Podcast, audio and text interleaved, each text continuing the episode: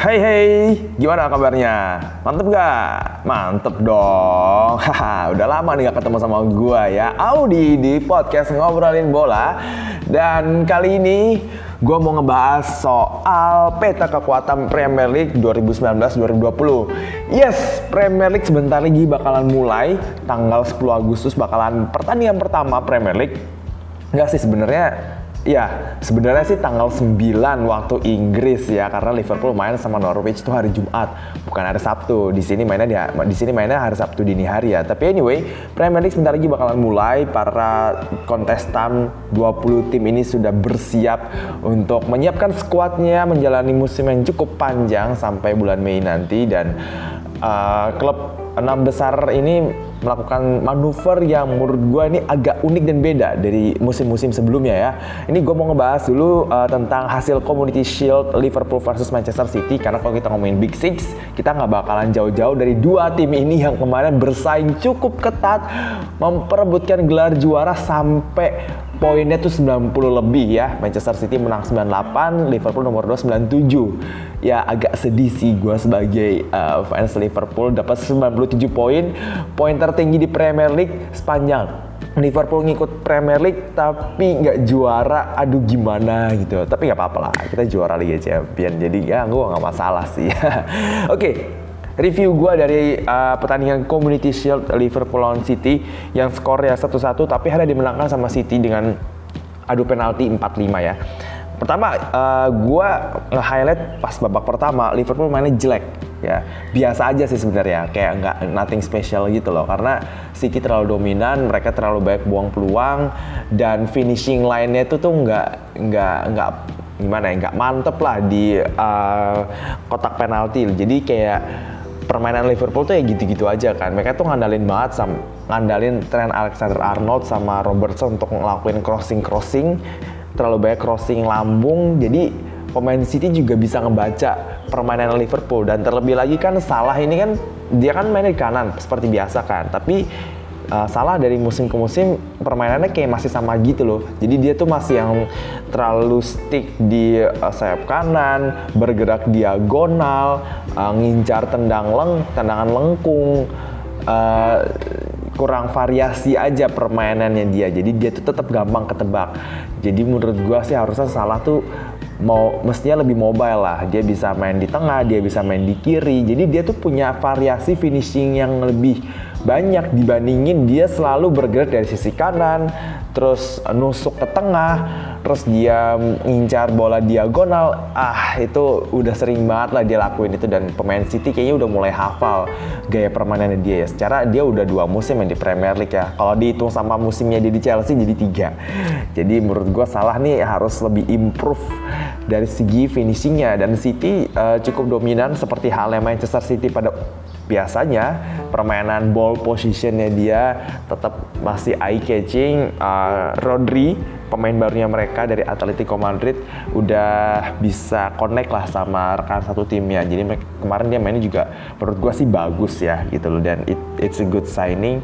Tapi uh, again ya si uh, City sebenarnya terlalu rely on dengan ball position ya kan. Jadi dia tuh kalau di press kencang dia tuh gampang banget kehilangan bola. Seperti halnya yang gue lihat di babak kedua. Jadi di babak kedua tuh gimana ya City mulai uh, didominasin sama Liverpool. Liverpool mulai ngelakuin gegen pressingnya khasnya Jurgen Klopp banget kan. Dan Liverpool main lebih bagus di babak kedua. Uh, mereka punya bola lebih banyak, mereka melakukan serangan yang cukup variatif, gak cuma crossing-crossing dari Robertson sama Trent, Uh, dan ya banyak banget peluang-peluang mereka yang uh, on goal ya, shoot on goal seperti tendangannya Salah, Shakiri, lalu ada juga Keita dan ya uh, tendangan yang ditepis sama Kylie Walker dari sundulannya si Salah. Well sebenarnya pas dia ngelakuin uh, sundulan kayak begitu hasil bola pantul dia dari bola yang dia tendang ke arah Bravo lalu disundul sama dia. Gue tuh nggak berharap banyak itu bakalan masuk. Sampai masuk tuh gue kaget ya. Tapi si Walker ngelakuin save yang lu ya cukup heroik lah menurut gue itu sih menurut gue something yang menegaskan bahwa pertandingan ini tuh berimbang banget kedua tim bermain dengan permainan terbaik kedua tim memainkan sepak bola terbaik yang mereka punya dan ya uh, Matip akhirnya nyetak gol uh, ngekonversi peluang yang dibuat sama Van Dijk yang sebelumnya si Van Dijk juga bolanya tuh kena tiang terus dia tuh bolanya tuh benar-benar kena garis tengahnya si gawang itu loh jadi geser dikit tuh masuk itu geser dikit gitu gol tuh padahal aduh kurang beruntung ya tapi bisa dibayar sama Matip uh, skor 1-1 dan pertandingan berakhir ke penalti. Nah di penalti ini ya itu namanya untung-untungan lah ya. Cuma gue agak sedikit ke kecewa aja sih sama uh, Wijnaldum dan Alisson ya. Kenapa? Karena Wijnaldum itu dia nendang ke kanan ya kan, dia nendang ke arah kanan kiper. Nah itu terlalu pelan gitu loh. Dia pelan banget nendangnya tuh. Padahal apa ya kalau dia tendang sedikit lebih kenceng aja kayak pemain-pemain City kan nendang kenceng-kenceng banget kan itu pasti masuk gitu loh dan lagi apa ya kalau lo kalau gue ya main PS gitu main FIFA atau main PS gue tuh kalau ngincar penalti selalu ke pojok gak pernah gue nendang penalti ke tengah atau kayak ke, ke kanan tapi yang agak nanggung gitu loh karena kiper pasti bakalan save penalti kayak begitu. Sedangkan kalau misalnya lu tendang ke pojok kiri, pojok kanan kayak misalnya Milner biasa ambil penalti, itu tuh nggak bakalan bisa di save meskipun arahnya bener. Nah si Wijnaldum ini terlalu nanggung kanan ya akhirnya kan bisa ditepis sama Bravo. Lalu Alisson ya, kalau ngomongin soal adu-aduan penalti, sebenarnya sebenarnya ya Simon Mignolet lebih jago dibandingin Alisson. Lebih jago Mignolet dibandingin Alisson. Kenapa? Karena Mignolet itu somehow dia tuh bisa ngebaca gerakan pemain lawannya dia dan bisa nge-save penalti. Ada yang inget ya uh, debutnya Mignolet uh, di Liverpool di musim pertamanya Liverpool dia lawan uh, lawan MU kalau nggak salah skornya 1-0 Liverpool menang lewat gol Sturridge dan dia nge-save penalti ya uh, Van Persie apa Rooney ya lupa gue kayaknya Van Persie deh. Terus dia ngelakuin double save. Eh bukan. No no no no no no, no. bukan MU Stock City. Stock City ya waktu itu lawannya Stock City yang ngambil penalti itu uh, uh, strikernya mereka. Uh, Peters uh, Walkers lupa gue nah dia tuh bisa gitu loh nahan penalti yang tendangannya tuh menurut gue tuh lumayan kencang dan dia bisa ngelakuin double save setelah itu. Jadi kalau menurut gue dari rasionya Mignolet nahan penalti sama Alisson masih menangan Mignolet dan Alisson ini apa ya uh, um, sayang juga sayang banget sih waktu pas uh, Philip Foden nembak ya dia lompatnya itu kurang tinggi. Jadi bolanya tuh eh iya dia lompatnya tuh kurang tinggi jadi di bolanya tuh mantul ke bawah gitu kan. Eh kurang tinggi apa ketinggian ya? Kayak ketinggian apa gimana lu? Pokoknya pokoknya dia kayaknya tuh timing lompat dan posisinya tuh nggak pas aja gitu loh. Harusnya bolanya si Foden tuh bisa ditahan sama dia tapi ya ya ya akhirnya masuk ya anyway community shield sebenarnya sih dibilangin berharga atau enggak gengsinya tuh nggak segede gengsinya Piala Raja Spanyol yang main dua leg itu loh. Atau pembukaannya Ligue 1 atau pem, pembukaannya Bundesliga ya.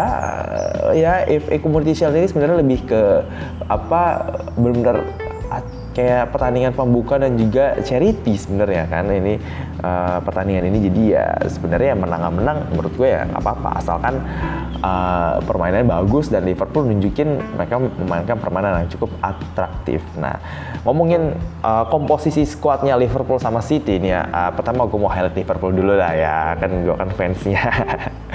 Liverpool nggak beli pemain besar di musim ini nggak kayak di musim-musim sebelumnya. Mereka beli Salah, beli Mane, beli Fabinho, beli Alisson dia nggak beli pemain dengan profil yang cukup besar. Mereka cuma beli pemain muda plus kiper cadangan baru Adrian yang ya cukup mengejutkan lah. Mignolet masih ada di Community Shield. Eh pagi ya gue ngeliat dia tuh udah foto di tempat klub Bruges. Yang bener aja. Jadi dia tuh setelah pertandingan itu dia langsung terbang ke Belgia ternyata ya tapi ya nggak apa-apa ya.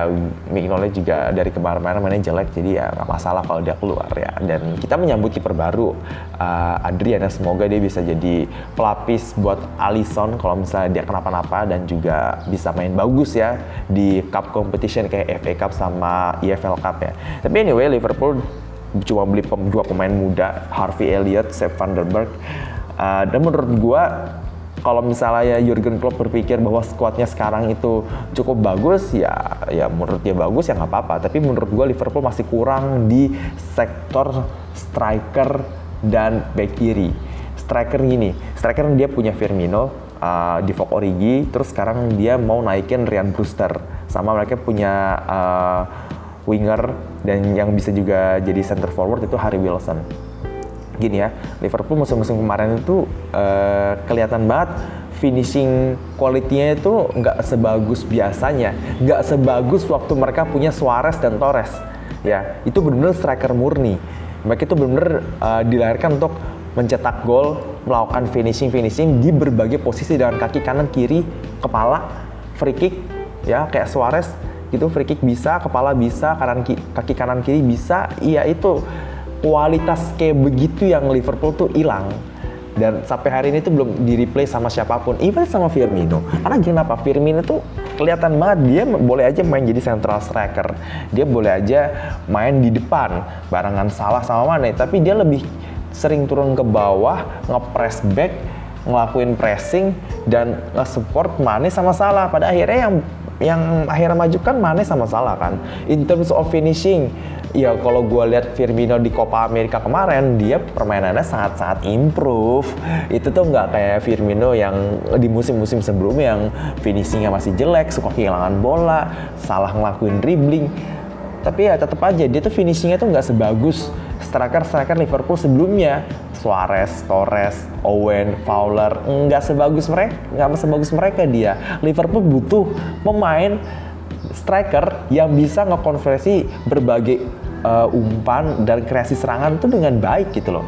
Striker yang bisa finishing dengan posisi apa pun, dengan situasi apa pun. Mau dia di kanan, mau dia di kiri, mau dia loncat, nyundul, apa gitu loh. Jadi kayak Liverpool tuh kurang kualitas seperti itu. Jadi sayang aja kayak uh, peluang-peluang yang diciptain sama Salah, sama Mane, sama Trent, sama Robertson, sama Keita itu tuh nggak ada yang bisa finishing dengan proper gitu loh menurut gue. Jadi ya sayang aja sih gitu loh. Liverpool mestinya butuh striker yang, yang bagus, yang bisa finishing, yang bisa nyetak gol dalam berbagai posisi. Dan gue sebenarnya berharap banget Liverpool tuh beli Timo Werner dari RB Leipzig karena uh, selain dia orang Jerman dia bisa lebih connect sama Jurgen Klopp. Dia itu tuh waktu waktu main di RB Leipzig di bawah Ralf Hasenhuttl yang sekarang jadi pelatih Southampton dia tuh dibiasa main pressing karena Ralf Hasenhuttl kan juga main high pressing kayak Jurgen Klopp kan ya main gegen pressing juga karena uh, Timo Werner ini selain dia terbiasa dengan bermain pressing dan juga orang Jerman dia itu tetap strike, tipe striker yang bisa finishing dengan bagus. Dia itu tipe striker yang mirip-mirip kayak Torres, yang mirip-mirip kayak Higuain gitu kan. Maksudnya dia menurut gue top striker. Dan dia udah waktunya lah main di eh, klub yang lebih gede dibandingin RB Leipzig lah. Ya sebenarnya gue berharap dia masuk. Cuma ya ya Jurgen Klopp nggak mau beli siapa-siapa ya ya udah. Lalu dia lalu back kiri. Gini back kiri uh, dia baru aja kehilangan Alberto Moreno which is menurut gue nggak apa-apa banget. Karena Moreno tuh sebenarnya gue nggak gitu suka. Dia mainnya jelek banget. Nggak bisa bertahan soalnya Masalahnya Robertson ini nggak punya pelapis. Lu berharap Robertson tetap fit selama musim ini dengan lu ngikutin uh, eh, 5 kompetisi. Dihitung sama klub World Cup lah, jadi 5 kompetisi kan? Nggak lu berharap si Robertson tuh itu tuh uh, bermain fit sepanjang musim? Nggak bakal ada kejadian. Dia pasti ada sekali dua kali cedera. Dan amit-amit buruk-buruknya dia cedera panjang kayak Chamberlain sama uh, Joe Gomez kemarin ya maksud gue kayak oke oke lah Robertson yang permainannya bagus crossingnya oke dia penyuplai assist terbanyak bareng sama tren musim kemarin ya. Tapi nggak bisa kan yang namanya satu tim besar apalagi tim seperti Liverpool yang bermain di banyak kompetisi rely on sama satu player gitu loh. Paling nggak dia harus punya pelapis yang proper lah, pelapis yang punya kualitas. Lo kalau misalnya ngomongin soal tim juara, lo lihat City deh. City di setiap linia mereka itu pemain cadangannya bagus-bagus. Pemain cadangan City itu yang nggak bagus itu siapa? Coba backnya dulu eh backnya sekarang dia punya John Stones, Aymeric Laporte, Otamendi. Uh, kalau misalnya mereka main dua center back, berarti kan salah satu dari mereka bakal ada yang jadi cadangan kan. Cadangannya bagus, Coba. Terus back kanan kiri mereka coba ada Kylie Walker. Sekarang mereka mau beli Joao Cancelo tukeran sama Danilo. Cancelo ini tetap aja bagus. Apalagi si Cancelo ini bisa main di kanan kiri coba. Jadi dia dapat pelapis back kanan dan back kiri gitu loh. Lalu back kiri mereka Alexander Zinchenko ini mulai meningkat permainannya. Di belakang dia ada Benjamin Mondi. Ini saingan persaingan dalam satu posisi City tuh benar-benar ketat di City dan ini yang membuat City tuh menurut gua ya capable buat jadi juara liga karena mereka punya pemain pelapis yang sama kuatnya sama pemain utama. Sedangkan Liverpool nih enggak gitu loh. Liverpool nih enggak, terutama back kiri. Back kiri ini kan selalu jadi masalah dari musim ke musim. Dari zaman dia kehilangan John Arne Rice sampai akhirnya sekarang dia punya Robertson. Pelapisnya Robertson ini nggak ada. Dia mau on sama Yasser Larucci ya itu masih pemain muda. Nggak bisa terlalu berharap sama pemain muda yang masih hijau atau memindahkan Milner ke back kiri. Ya udah tahu Milner bukan back sayap ditaruh situ. Emang kan kelihatan kan setiap kali Milner main di back kanan atau back kiri dia permainannya sebagus dia main di tengah nggak? Kan enggak kan.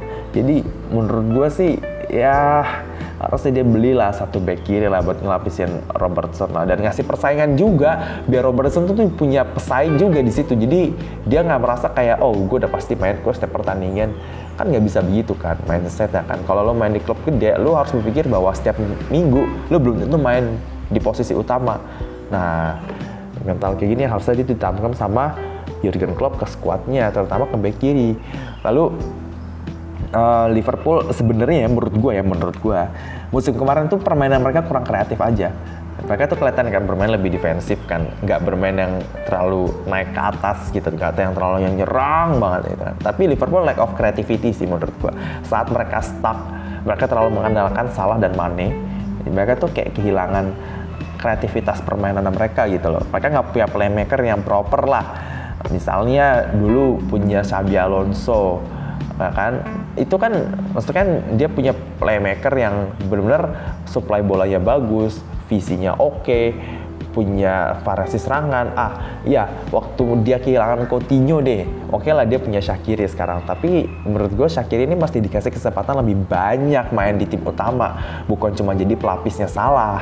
Karena Liverpool ini kurang banget yang namanya kreativitas tuh kurang lah menurut gue lah. Semenjak dia kehilangan Coutinho lah, uh, jadi kurang kreatif gitu loh. Dan ya menurut gue sih sebenarnya potensi tuh ada potensi.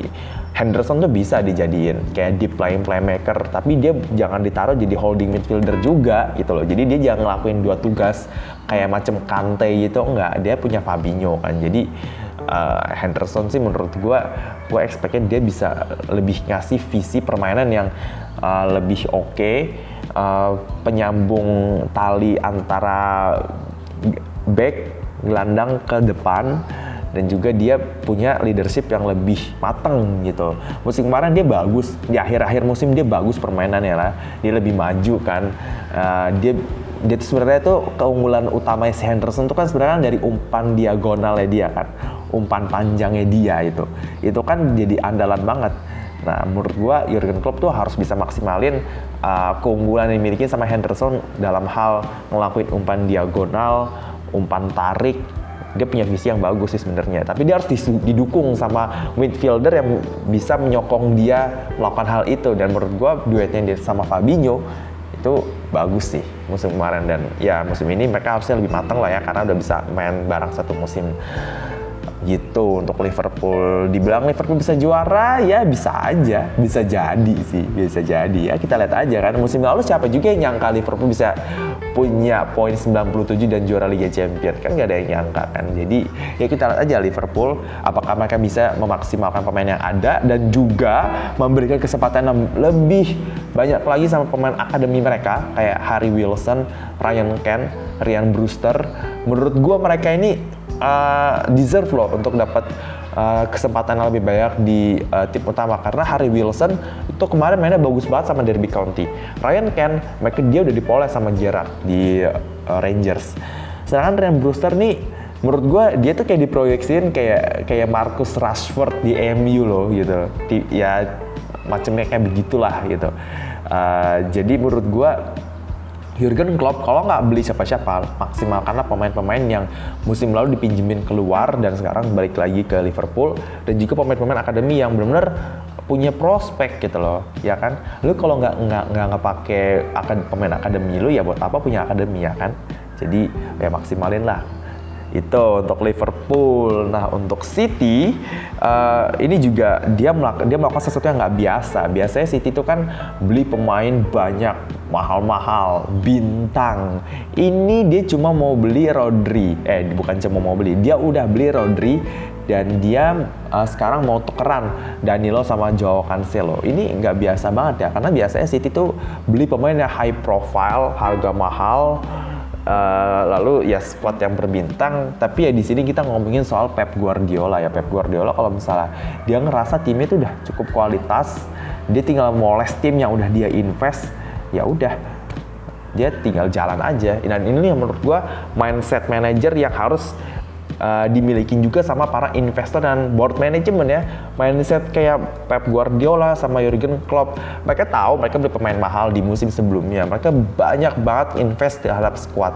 Ya, dimaksimalin lah nggak mesti kan setiap musim kita tuh beli pemain mahal pemain bintang ngebakar duit gitu tapi akhirnya akhirnya nggak maksimal terus akhirnya pelatih dipecat karena uh, uangnya yang diinvest nggak nggak return ya kan macam tipikal investor banget kan.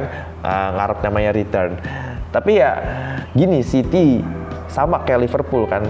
Ya nggak sama-sama banget sih ya tapi dia tuh bener kepengen maksimalnya pemain-pemain yang ada gitu loh. Terutama dia kan baru naikin Zinchenko sama Philip Foden kan. Menurut gua Guardiola bakalan berharap banyak sama kedua pemain muda ini untuk bermain baik di tim utama kan. Karena City juga main di empat kompetisi jadi uh, mereka juga butuh pemain lapis dan yang tadi gue bilang pemain pelapisnya City itu tuh bagus-bagus ya.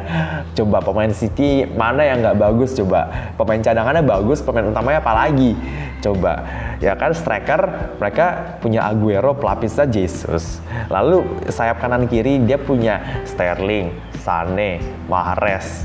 Ya itu mah itu mah udah different level banget sih menurut gue sih ya dan ya tantangannya City kan di musim ini adalah mempertahankan gelar juara Premier League lagi dan bersaing sama si Liverpool uh, dan ya City ini memang yang paling kurang adalah nggak juara Liga Champion. Memang kayak klub-klub kaya, klub-klub yang suka jor-joran uang kayak City, PSG, uh, itu tuh memang paling berharap banget punya trofi Liga Champion karena tuh kayak lu juara Liga Champion tuh lu udah uh, lu udah bagi, jadi bagian dari klub elit Eropa lah gitu kan. Tapi kan semua hal kan nggak bisa instan, nggak bisa kayak oh gua nggak hire Pep Guardiola, dia udah juara Liga Champion dua kali sama Barcelona pastilah dia bisa. Lalu lihat aja Bayern Munchen emang juara Liga Champion sama dia kan enggak gitu loh. Lalu pemain mahal oke okay lah menjamin juara ya mungkin juara domestik oke okay lah tapi juara Liga Champion hmm, kayaknya tradisinya nggak begitu deh dari kemarin-kemarin uh, juara yang juara Liga Champion tuh klub yang jor-joran ngeluarin pemain. Ya kalau lu hitung Real Madrid sama Barcelona ya ya ya oke okay lah mereka di different level lah. Tapi kayak kayak waktu Chelsea juara coba 2012 ya kan? Mereka waktu invest di timnya invest musim 2004 2005 ya kan? Pas Mourinho datang Roman Abramovich datang. Dia baru juara Liga Champions tahun 2012 dan itu di musim di mana dia tuh nggak beli pemain mahal. Ya kan? Pemain mahal yang dia beli adalah Torres dan tidak bersinar. Pampus siapa tahu udah ninggalin Liverpool. Tapi maksudnya kayak uh, Chelsea pas juara Liga Champions bukan tim yang benar-benar invest beli pemain bintang, pemain mahal pada musim panasnya gitu loh kan. Tapi ya dia bisa juara Liga Champion. Uh, lalu kita lihat juga kayak Bayern Munchen juara Liga Champion 2013 ya kan. Mun Bayern Munchen kapan nggak beli pemain bintang? Pemainnya bagus-bagus. Apalagi dia hobi banget ngepretelin pemain-pemain Bundes liga lainnya kan. Tapi dia baru bisa juara tahun 2013. Coba Bayern Munchen masuk final, masuk Liga Champions berapa kali? Ya kan dia masuk final tahun 99 kalah sama MU ya kan jadi apa namanya itu memang butuh waktu. Lu nggak bisa kayak juara Liga Champions setiap musim karena juara Liga Champions itu nggak seperti juara Liga. Pun juara Liga itu sebenarnya nggak bisa setiap musim juga kalau untuk lo main di Premier League dan inilah yang harus dimiliki sama City mental seperti ini. dia mental juara punya tapi somehow dia pas main di Liga Champion tuh kayak agak memble gue ngelihatnya sih nggak sebagus dia kalau main di domestik jadi City bukan cuma squad yang berkualitas tapi mental juara yang harus mereka miliki itu harus dibawa ke panggung Liga Champion. Dan ya mereka harus lebih humble aja sesama lawannya ya. Karena waktu pas dia lawan Liverpool uh, musim 2017-18 kelihatan banget kan kayak oh City dia ada di atas angin lah. Oke okay, City unggulan lah. Oh dia main tiki taka keren lah. Akhirnya kan kalah sama Liverpool kan. Nah jadi uh, maksud gue uh, squad mahal tidak menjamin gelar juara Liga Champion ya. Tapi squad mahal ya oke okay lah mungkin bisa juara Liga domestik. Tapi untuk di musim Premier League ini City uh, it won't be easy ya. Itu nggak bakalan mudah semudah apa yang para komentator bilang. Apa yang komentator bilang media-media bilang City punya keunggulan yang cukup baik untuk juara Liga Inggris lagi. Ah ya oke okay lah, oke okay lah selama Pep Guardiola masih di situ, oke okay lah dia masih bisa punya gelar juara. Tapi kita ngomongin yang namanya Premier League. Premier League di mana liga ini sangat ketat, sangat kompetitif, segala hal tuh nggak pasti dan banyak banget kejutan yang nggak bakalan lu sangka seperti halnya Leicester City juara 2015-16 siapa yang nyangka klub kayak Leicester City yang musim sebelumnya itu mau degradasi akhirnya juara Liga Inggris ya itulah Premier League gitu loh. Segala hal tuh gak pasti. Jadi jangan terlalu mengunggulkan satu tim di Premier League untuk juara ya kan? Karena kita nggak tahu apa yang akan terjadi di musim ini dan gimana klub-klub uh, Big Six lainnya yang kemarin struggling apakah mereka bisa bangkit? Ya kita nggak tahu. Lalu kita pindah nih ke tetangganya City, Manchester United which is persaingnya pesaing beratnya Liverpool, bukan pesaing berat tapi musuh bebuyutan lah. MU aduh ini gue juga agak-agak gimana ya kalau sama MU ya? Karena dia tuh nggak sama kayak MU waktu sama Sir Alex Ferguson. Bukan MU yang sama lagi bukan MU yang gue tahu lah. Musim ini uh, penuh ketidakpastian, simpang siur, rumor Paul Pogba, Lukaku, itu aja diberitain kan ya. Uh, media terlalu banyak menyoroti uh, transfer saga Lukaku dan Pogba dibandingkan kualitas permainannya Manchester United itu sendiri di pramusim. Dan sekarang dia dapat back baru Harry Maguire ya oke okay lah dia dapat pemain kelas dunia lah. Menurut gue Harry Maguire tuh memang pantas main di klub besar setelah dia tampil bagus di World Cup dan di musim kemarin juga ya. Tapi MU tetap menurut gue kayak jadi filosofi permainannya tuh kayak apa sih sebenarnya? Gue nggak ngerti loh sumpah uh, meskipun MU itu bukan bukan tim yang benar-benar atraktif menghibur dari dulu-dulu memang dia tuh bukan tipikal tim yang atraktif dan menghibur. Tapi paling nggak tuh gue masih enak ngeliat permainan MU di bawah Sir Alex ya. Sekarang di bawahnya Solskjaer, Van Gaal, Mourinho, Moyes. Apa ya permainan MU jadi kayak kehilangan arah gitu loh. Jadi kayak nggak jelas gitu loh. Entah kenapa pemain bagus jadi nggak maksimal di situ. Nggak ngerti gue apa ya mungkin menurut gue sih memang memang ya uh, klub dengan tradisi besar seperti Manchester United ini yang punya pemain-pemain uh, apa ya pemain-pemain akademi yang jadi sosok leader dan pelatih yang benar-benar lebih dari sekedar pelatih dan manajer lah.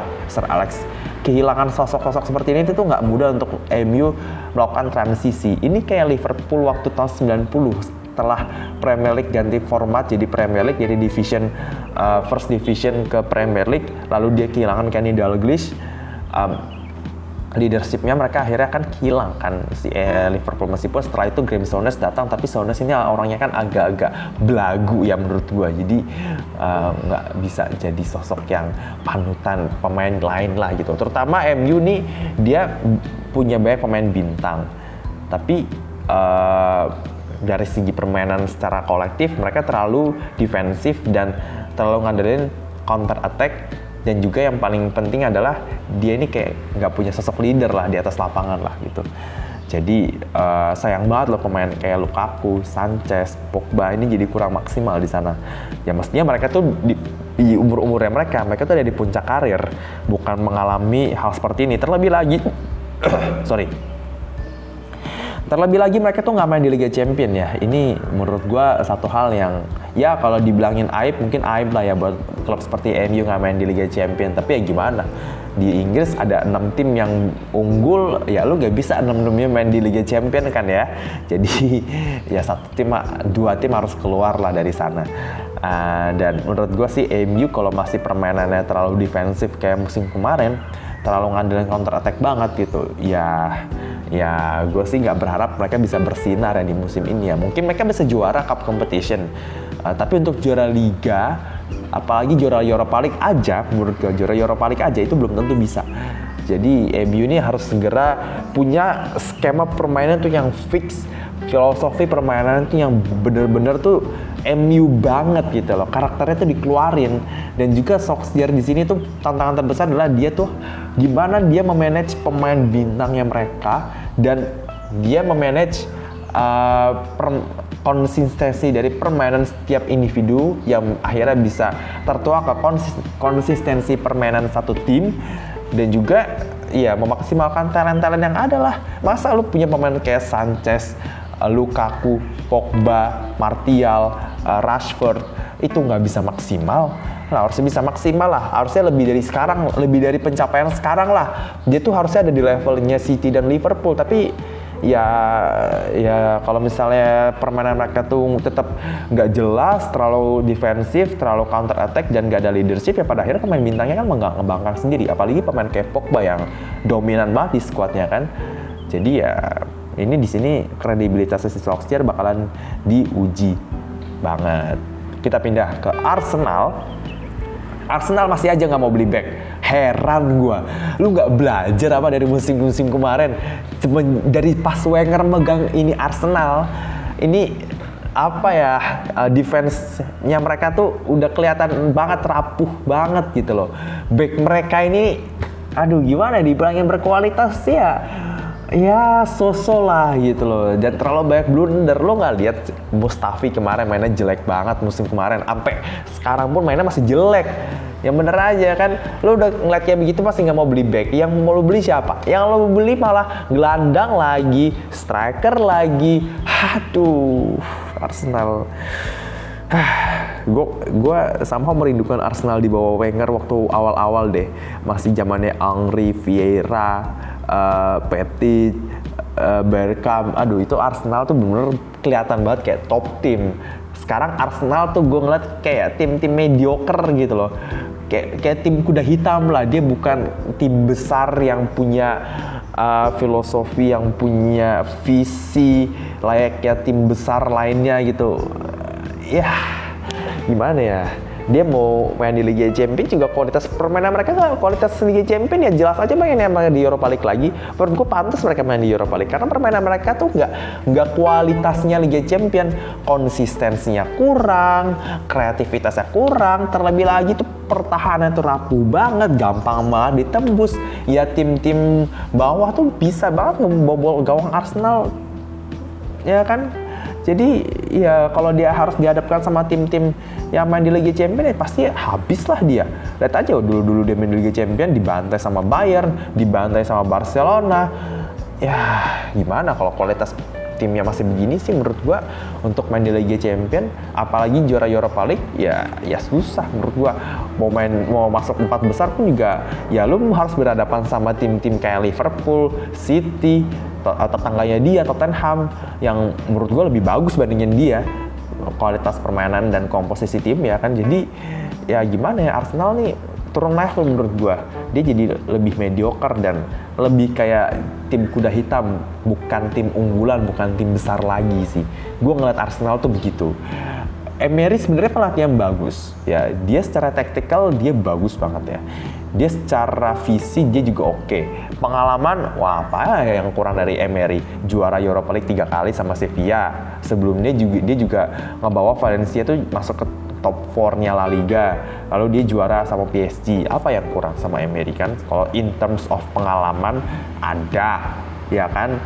Ya gimana? Sekarang Emery tuh harus muter otaknya dia untuk mengakali si uh, pertahanannya ini pemain-pemain kayak Rob Holding, Callum Chambers, uh, Mustafi, uh, Socrates, sekarang Koscielny ini maksud gue kayak mereka tuh sebenarnya um, bukan menurutku bukan back kelas atas lah, bukan back dengan level Virgil van Dijk atau Vincent Kompany atau Giorgio Chiellini enggak lah. Mereka nggak di level itu ya kan?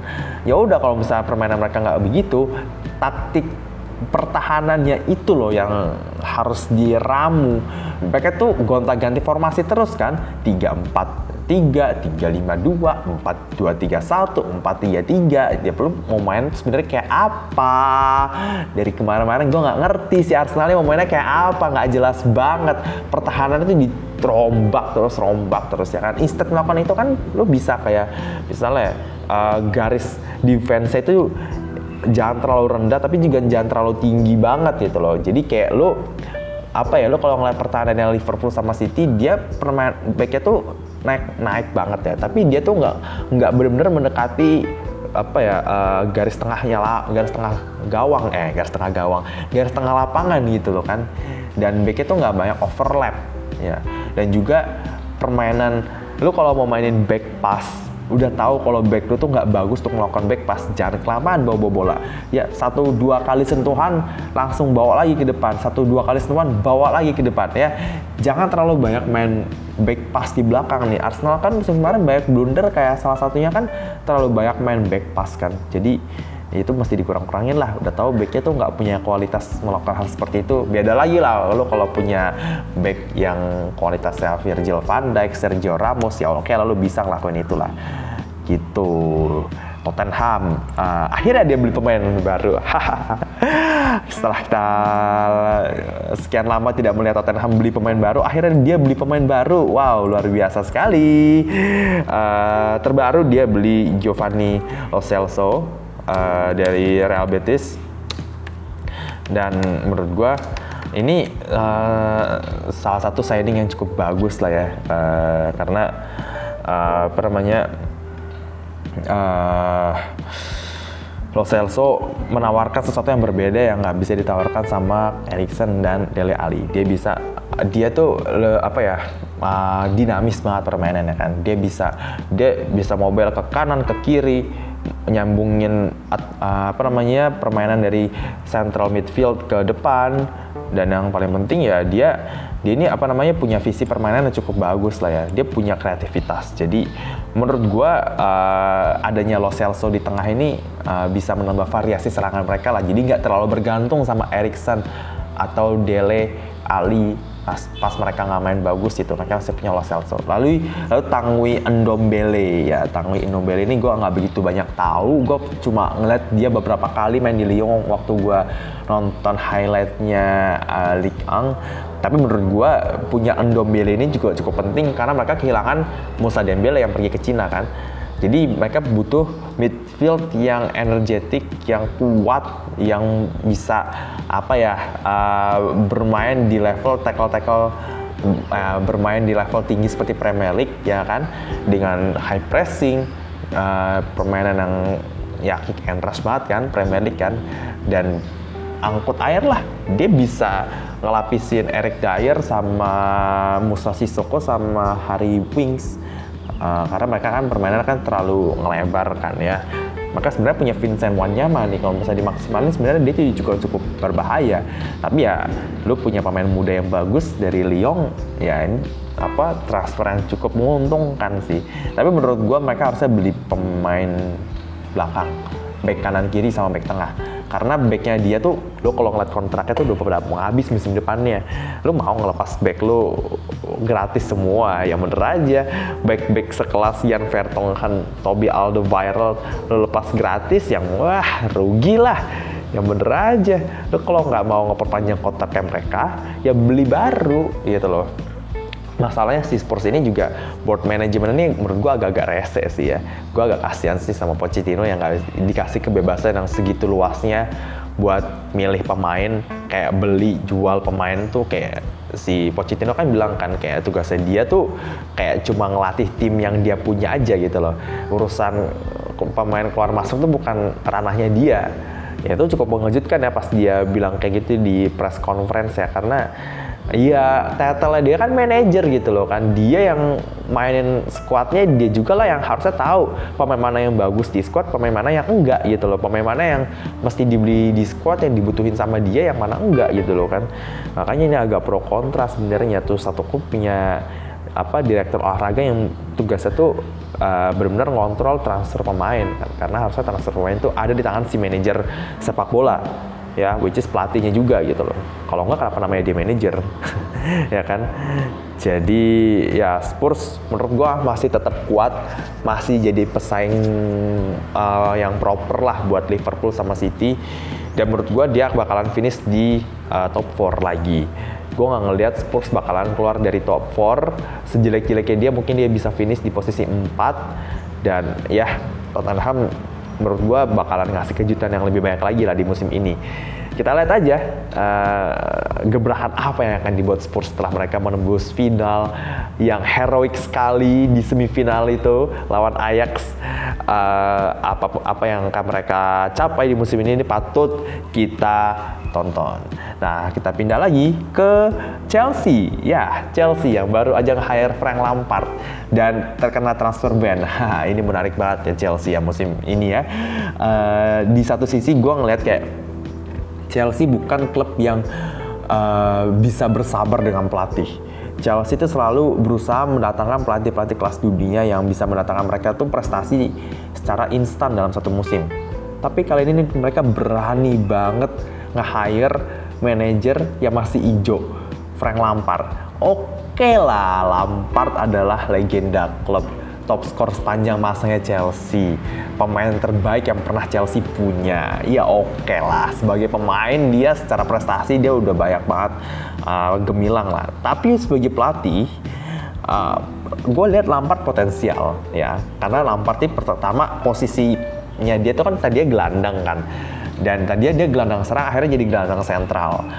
Dan IQ-nya Lampard ini kan tinggi, artinya dia orang pinter lah. Jadi sebagai gelandang dia bisa ngelihat ke depan dan dia bisa ngelihat ke belakang dan secara intelektual dia ini sebenarnya cerdas gitu loh. Ya kelihatan kan dari permainan Lampard dia ini orang yang sangat cerdas dan menurut gue dia punya sisi leadership juga. Jadi untuk jadi pelatih dia punya banyak modal lah yang bisa dipenuhi. Nah, tapi secara pengalaman ini masih hijau banget sih Lampard ya. Uh, dia baru ngelatih Derby County semusim, uh, hampir promosi Derby County di bawah dia, tapi akhirnya gagal kalah sama Aston Villa yang asisten manajernya itu temennya dia di Chelsea, John Terry, legenda klub Chelsea lainnya. Uh, dan dia dulu juga pernah kan melatih tim um, tim mudanya Chelsea kan ya. Ya menurut gua secara pengalaman Lampard masih hijau lah ya gitu. Masih berkembang gitu loh. Uh, tapi secara sosok dia memang sosok yang sangat direspek di Chelsea. Um, cuma untuk memanage klub seperti Chelsea which is menurut gue dia harusnya tahu gitu loh Chelsea ini tradisinya seperti apa dia kesabar, kesa, kesabarannya sama pelatih itu kayak apa? Ya menurut gue Lampard tahu lah udah lama di Chelsea. Dia berani ambil resiko ini dan Chelsea itu sendiri berani banget ngambil resiko untuk meng-hire Lampard saat di musim mereka tuh nggak bisa beli pemain siapa-siapa wow. Dan apalagi mereka baru kehilangan Hazard. Wow wow banget di Chelsea nih. Menurut gue ini ini ini baru banget. Chelsea ini nggak pernah ngelakuin hal, hal seperti ini loh. Sebelum sebelumnya kan uh, dia baru kehilangan pemain bintang. Pemain itu bukan pemain bintang biasa Eden Hazard pemain bintang yang selama ini mereka andalin. Dan mereka nggak beli pemain pengganti. Ya maksudnya kayak pemain yang selevel bintangnya kayak Hazard lah. Ya kan lalu kalau ngomongin pemain bintang selevel Hazard ya lu bisa ngomonginnya kayak Mbappe, Neymar uh, yang kayak gitu kan. Tapi instead mereka menggunakan Christian Pulisic buat gantiin si Hazard. Uh, ini nggak biasa banget gitu. nggak biasa banget. Chelsea ini kayaknya Chelsea semakin ke sini tuh kayak filosofinya dia semakin berubah deh. Yang tadi dia klub yang spending banyak banget sama pemain, beli pemain mahal sekarang mereka lebih baik invest ke pemain muda. Nah, berhubung Lampard ini nggak bisa beli pemain, mereka dia cuma dapat satu poin pemain baru yaitu Christian Pulisic yang which juga masih muda banget sih Pulisic ini bukan pemain matang kan? Maksudnya dia masih muda lah 20 tahun 21 kan umurnya uh, masih hijau lah. Dan nggak bisa beli pemain siapa-siapa. Ini tantangan banget buat si Lampard ya. Uh, gimana dia maksimalin pemain-pemain yang ada di dalam skuadnya dan memaksimalkan loan army ya pasukan-pasukan pasukan pemain-pemain pinjamannya Chelsea. Ya lo tahu kan Chelsea ini hobi banget minjemin pemain keluar ke mana entah ke klub antah berantah ke klub top ada aja gitu. Dan bahkan dia juga bukan cuma nge pemain pemain muda loh dia juga minjemin pemain utama loh. Kurt Zuma uh, Michi Batshuayi dipinjemin juga kan keluar tapi akhirnya mereka sekarang balik ke Chelsea. Zuma udah jadi backnya Chelsea lagi Batshuayi udah balik ke skuadnya Chelsea. Sekarang waktunya Lampard untuk maksimalin semua pemain pinjaman yang baru balik ke klub untuk jadi pemain utama dan pemain yang bisa bawa Chelsea meraih prestasi di musim ini gitu loh. Karena ya ya mereka udah cukup dipinjemin ke mana-mana. Secara pengalaman permainan ya harusnya mereka juga udah lebih oke okay dan deserve lah untuk dapetin kesempatan kayak begini lah gitu loh. Kan kapan lagi Chelsea main-main pemain muda kan? Dan menurut gue dia harus maksimalin tuh. Kalau Hudson Odoi, uh, lalu Michi Batshuayi, lalu juga Kurt Zuma, dan Mason Mount ya pemain muda mereka yang uh, mereka baru uh, kasih kontrak jangka panjang sama Ross Barkley. Ya ini pemain-pemain yang menurut gue potensial dan menurut gue mereka punya talent mereka punya bakat. Tinggal gimana Lampard ngerau nge, apa ya ngeramu mereka jadi pemain hebat aja. Nah tantangan adalah uh, Lampard apakah bisa menjadi Zidane dan Guardiola di Madrid dan Barcelona pas dia baru-baru naik jadi pelatih utama atau jadi Thierry Henry di Monaco yang gagal total. Ya kita lihat aja ya Lampard bakalan jadi apa? Apakah dia bisa even survive satu musim aja menurut gue udah oke okay lah. Lampard gak dipecat di tengah-tengah musim ini tuh udah oke okay banget lah menurut gue sih. Jadi ya kita lihat aja gimana Chelsea ini bakalan uh, berkembang di musim ini. Nah, kita pindah ke klub yang agak lebih kecil dikit ya. Aston Villa ini menarik banget, dia signing 12 pemain. 12 pemain cuy. Itu bukan main-main duitnya keluar terus, bakar uang terus, 12 pemain. Ya oke okay lah, ke 12 pemain ini nggak nggak benar-benar baru karena beberapa dari mereka tuh pemain pinjaman di musim kemarin lalu dipermanenin ya kan. Ya jatuhnya bukan pemain baru-baru banget lah gitu. Tapi ya maksudnya kayak lu klub promosi beli banyak banget pemain baru. Um, kita mungkin harus ngelihat Fulham dan QPR ya uh, Fulham musim kemarin beli banyak banget pemain-pemain baru. Coba dia beli Young Michael Sa Young Michael Seri, pemain yang tadi diincar sama banyak klub klub top Eropa, akhirnya berakhir di Fulham. Lalu dia beli Andres Kröller dari Borussia Dortmund, ya mantan pemain Chelsea, uh, pemain yang nyetak gol di semifinal World Cup, juara Piala Dunia, uh, juara Liga, uh, tapi akhirnya end up di Fulham juga. Lalu mereka juga beli pemain kayak Luciano Vieto, striker, ya kan. Uh, kipernya tuh beli dua pula, ya kan, dari Sevilla sama dari Mesir, dari Turki. Fabri itu dari mana sih? Lupa gue. Ya, lalu dia juga punya pemain muda yang bersinar kan, Ryan Sessegnon. Apa yang terjadi dengan Fulham? Degradasi, ya kan.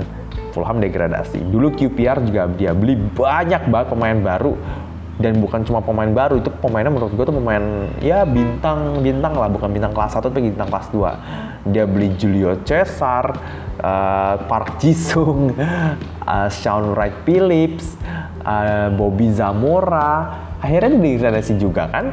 QPR nggak bertahan lama kan di Premier League Nah, Aston Villa tuh bakalan jadi kayak mereka enggak atau mereka bisa di apa kayak Wolverhampton musim kemarin ya secara mengejutkan mereka ending di posisi 7 dan masuk ke Europa League. Nah, Aston Villa ini dengan pemain-pemain baru mereka apakah mereka bisa maksimal atau malah maka malah, malah justru jomplang permainannya. Jadi terlalu banyak pemain baru, pemain-pemain baru itu masih adaptasi sama tim sama Premier League terutama yang di luar yang datang dari luar Inggris ya kan Apakah mereka tuh uh, bisa beradaptasi dengan cepat, klop dengan Aston Villa dan bisa memainkan permainan terbaik atau mereka tuh kayak adaptasinya tuh lama gitu loh. Karena lu kalau punya banyak pemain baru, lu harus sabar ke mereka karena mereka harus adaptasi dulu ke tim, adaptasi dulu ke liga dan baru mereka bisa ngeluarin pemain terbaiknya mereka kan. Jadi kalau misalnya mereka nggak bisa maksimalin pemain-pemain baru ini, ya ya mungkin nasibnya bakalan sama kayak Fulham sama QPR ya. Ya kita lihat aja lah. Uh, terus kita bergeser juga ke Everton dan Wolverhampton. Mereka beli Rising Star Serie A. Wah ini menarik sekali karena Patrick Cutrone yang bersinar sama AC Milan dan Moise Kean yang kemarin jadi sensasional buat Juventus. Ini kok tiba-tiba merapat ke klub seperti Everton dan Wolverhampton. Everton dengan Moise Kean, Wolverhampton dengan Patrick Cutrone ini mengejutkan sih menurut gue. Ini mengejutkan sih. Kayak, oh, gue berpikir waktu pas Kutrone masuk ke tim utamanya Milan, pikir wah ini bakalan jadi kayak pemain-pemain legenda Milan yang sebelumnya nih. Kayak Maldini, kayak Gattuso, ya kan? Atau minimal kayak Inzaghi lah yang di Milan tuh bakalan lama banget. Eh, nggak taunya dia pindah. Pindahnya tuh gue pikir ke klub besar. Pindahnya ke Wolverhampton. Wow, wow, ini agak-agak gimana gitu kan pas wah Wolverhampton yakin nih beli Patrick Cutrone mereka kan terlalu mainin Raul Jimenez sama Diogo Jota kan musim kemarin. Mereka punya Helder Costa tapi nggak maksimal akhirnya kan. Jadi mereka beli Cutrone ini sebenarnya buat solusi untuk melapisi Raul Jimenez atau memang mereka mau memainkan skema permainan baru dengan memainkan dua striker. Tapi mereka punya Diogo Jota ya kan? Oke lah mereka bakal main di Europa League. Tapi kan lu punya striker dengan tipikal sama, sama-sama central striker, central forward, bukan forward yang mobile ke kanan, ke kiri, ke tengah, ya macam kayak Aguero, Jesus, Firmino, uh, Aubameyang gitu ya memang benar-benar mereka permainannya mobile. Ini tuh benar center forward, center forward yang, ber, yang lebih berkutat di sekitar kotak penalti, ya kan? Nah, lu beli pemain yang tipikalnya itu mirip-mirip gitu loh. Jadi gimana? Salah satu dari mereka harus jadi cadangan dan bakalan sayang banget sih kalau satu, salah satu dari mereka bakal jadi pemain cadangan karena ini dua pemain yang potensial dan pemain bagus apalagi Kutrone masih pemain muda butuh minute play kan. Jadi ya kalau misalnya Nuno Espirito Santo bisa maksimalin uh, Kutrone untuk uh, Klopp sama Raul Jimenez dan Diogo Jota atau ngasih dimensi baru dalam permainan Wolves Wolves ya ya oke kita kita bakalan ngelihat Wolverhampton yang suka ngasih kejutan kayak musim kemarin lagi gitu loh dan mereka bakal main di Europa League. Oke. Klub seperti Wolf Wolverhampton uh, bukan mereka itu bukan Arsenal, Liverpool, City yang biasa main di kompetisi Eropa ya. Jadi uh, mereka tuh bakalan menghadapi satu masalah di mana kebugaran bakalan jadi krusial ya kan cedera pemain, bu, kebugaran pemain dan segala macam ya ini bakalan uh, esensial banget, esensial banget buat Wolves dalam menjalani musim-musim ini, dalam menjalani musim yang cukup panjang ini. Makanya kan main di EFL Cup, FA Cup, Premier League sama Europa League kan. Nah, kalau mereka nggak bisa memanage kebugaran pemainnya ya makanya bakal struggling. Kayak klub-klub Inggris pada umumnya yang sebelum-sebelumnya itu main di empat kompetisi juga selain Big Six ya. Kayak Everton, Southampton, Leicester City ya mereka akhirnya kan struggling kan di domestik karena uh, pemainnya tuh kelelahan. Kebu mereka nggak bisa manage kebugaran pemain gara-gara main terlalu banyak di kompetisi kan jadi ya kalau Wolverhampton bisa memanage permainan mereka kebugaran mereka ya mereka bakalan tetap stay di top 10 yang Premier League lah minimal top 10 lah ya kalau nggak bisa masuk di posisi 7 Lalu Everton, ya Everton ini harusnya jadi levelnya kayak Tottenham menurut gua. Ya menurut gua dia bisa ada potensi karena Marco Silva itu bukan manajer ece-ece ya, itu manajer bagus dia. Dia orang bagus dan komposisi permainan mereka tuh uh, sebenarnya cukup bagus ya secara kualitas, secara tim kualitas kualitas pemainnya tuh udah bagus-bagus, materi pemain juga oke okay, dan mereka dapat Moise Kean yang menurut gua musim kemarin tuh gua, gua berpikir bahwa dia bakalan jadi rising star Serie A musim ini bareng sama Juve. Ya tapi lu kalau ngomongin tim kayak Juve yang selalu memainkan pemain bintang uh, kurang ngasih ruang bagi pemain muda ya menurut gua sih ya wajar aja. Mau Ken tuh agak susah kalau dapet uh, tempat di tim utamanya Juve. Tapi musim kemarin dia tuh main sama Ronaldo oke okay loh. Ken itu menurut gua dia kayak Marcus Rashfordnya MU gitu loh. Ya kan? Sayang aja gitu kok Juve jual ke Everton pula jual ya kan? Kalau ke klub besar lainnya emang nggak apa-apa lah ini ke Everton juga gitu loh. Nanti begitu dia bersenal di Everton terus dibeli balik sama Juve. Harganya mahal. Ya capek deh. Jadi uh, menurut gue Moise Kean, ya dia bisa bersinar di Everton ya. Layaknya dulu Lukaku bersinar di Everton kan ya. Dia tipe-tipe striker yang mirip-mirip sama Lukaku kan ya. Ngandalin speed dan fisik. Nah, gimana nanti Everton uh, bisa maksimalin Ken main sama Richard Richarlison, Sigurdsson, Walcott, Bernard, ya kan? Dan menurut gue Everton tuh deserve lah untuk masuk Europa League lah. Ini agak sulit ya memang ya. Tim-tim kayak Everton, Wolverhampton, Leicester City ini sebenarnya tuh mereka punya kualitas untuk main di Europa League lah minimal lah. Berprestasi bisa gitu loh tapi ya mereka harus berhadapan dengan Big Six yang kekuatannya super power begitu. Ya minimal lo kalau mau nyingkirin satu Big Six lo singkirin Arsenal lah.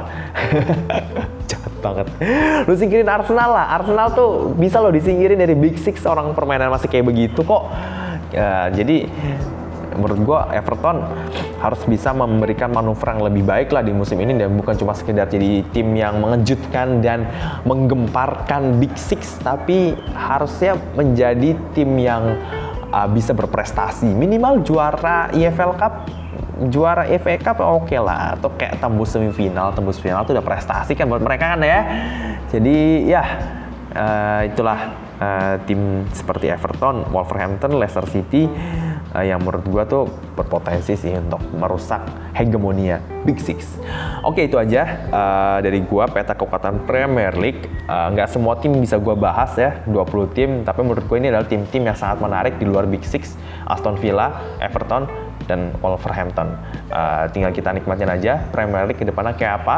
Uh, Premier League nggak ada lagi di Bein Sport ya. By the way guys, be, be, apa Premier League sekarang adanya di Mola TV. Sebenarnya ini uh, cara nonton Premier League yang benar-benar baru ya sesuai dengan tagline mereka ya.